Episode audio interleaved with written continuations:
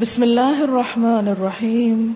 مرکب اضافی مرکب اضافی کیا ہے کہ ایسی ایک کے اوپر ایک چڑی ہوئی چیز یا ایک لفظ کا دوسرے سے رابطہ کے جس میں ایک تعلق ڈیولپ ہو جائے۔ ایک چیز کا دوسرے سے تعلق ڈیولپ ہو جائے۔ اسی لیے اس کے اردو ترجمے میں کا کے کی آ جاتا ہے۔ اب کیا ہوا؟ تل کا آیات الکتاب یہ آیات ہیں کس کی؟ کہیں ادھر ادھر لٹکتی ہوئی نہیں، کتاب کی۔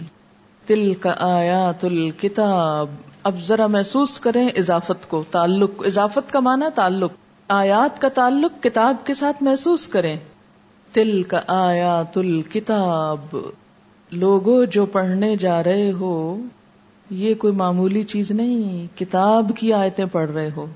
الکتاب کی آیات ہیں۔ بہر البات تعلق کی ہو رہی تھی۔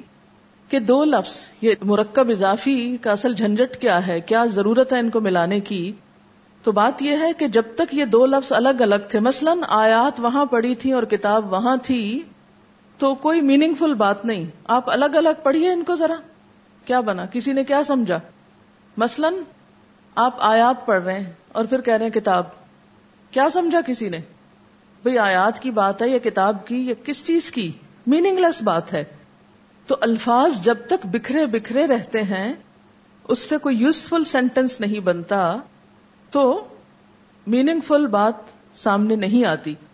اس لیے ان کو کیا کیا گیا؟ ان سے کوئی معنی نکالنے کے لیے ان کو جوڑ دیا گیا۔ اور اس جوڑنے کو کیا کہا گیا یہاں پر؟ مرکب اضافی۔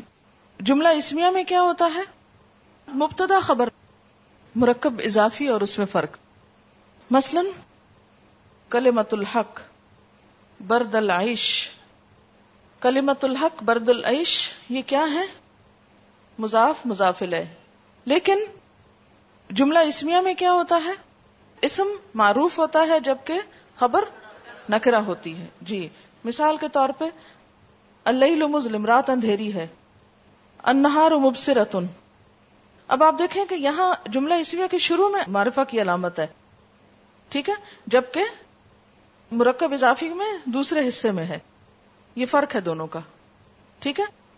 سبحان اللہ نشد اللہ اللہ الا انت نستغفرک و نتوب السلام علیکم و رحمۃ اللہ وبرکاتہ۔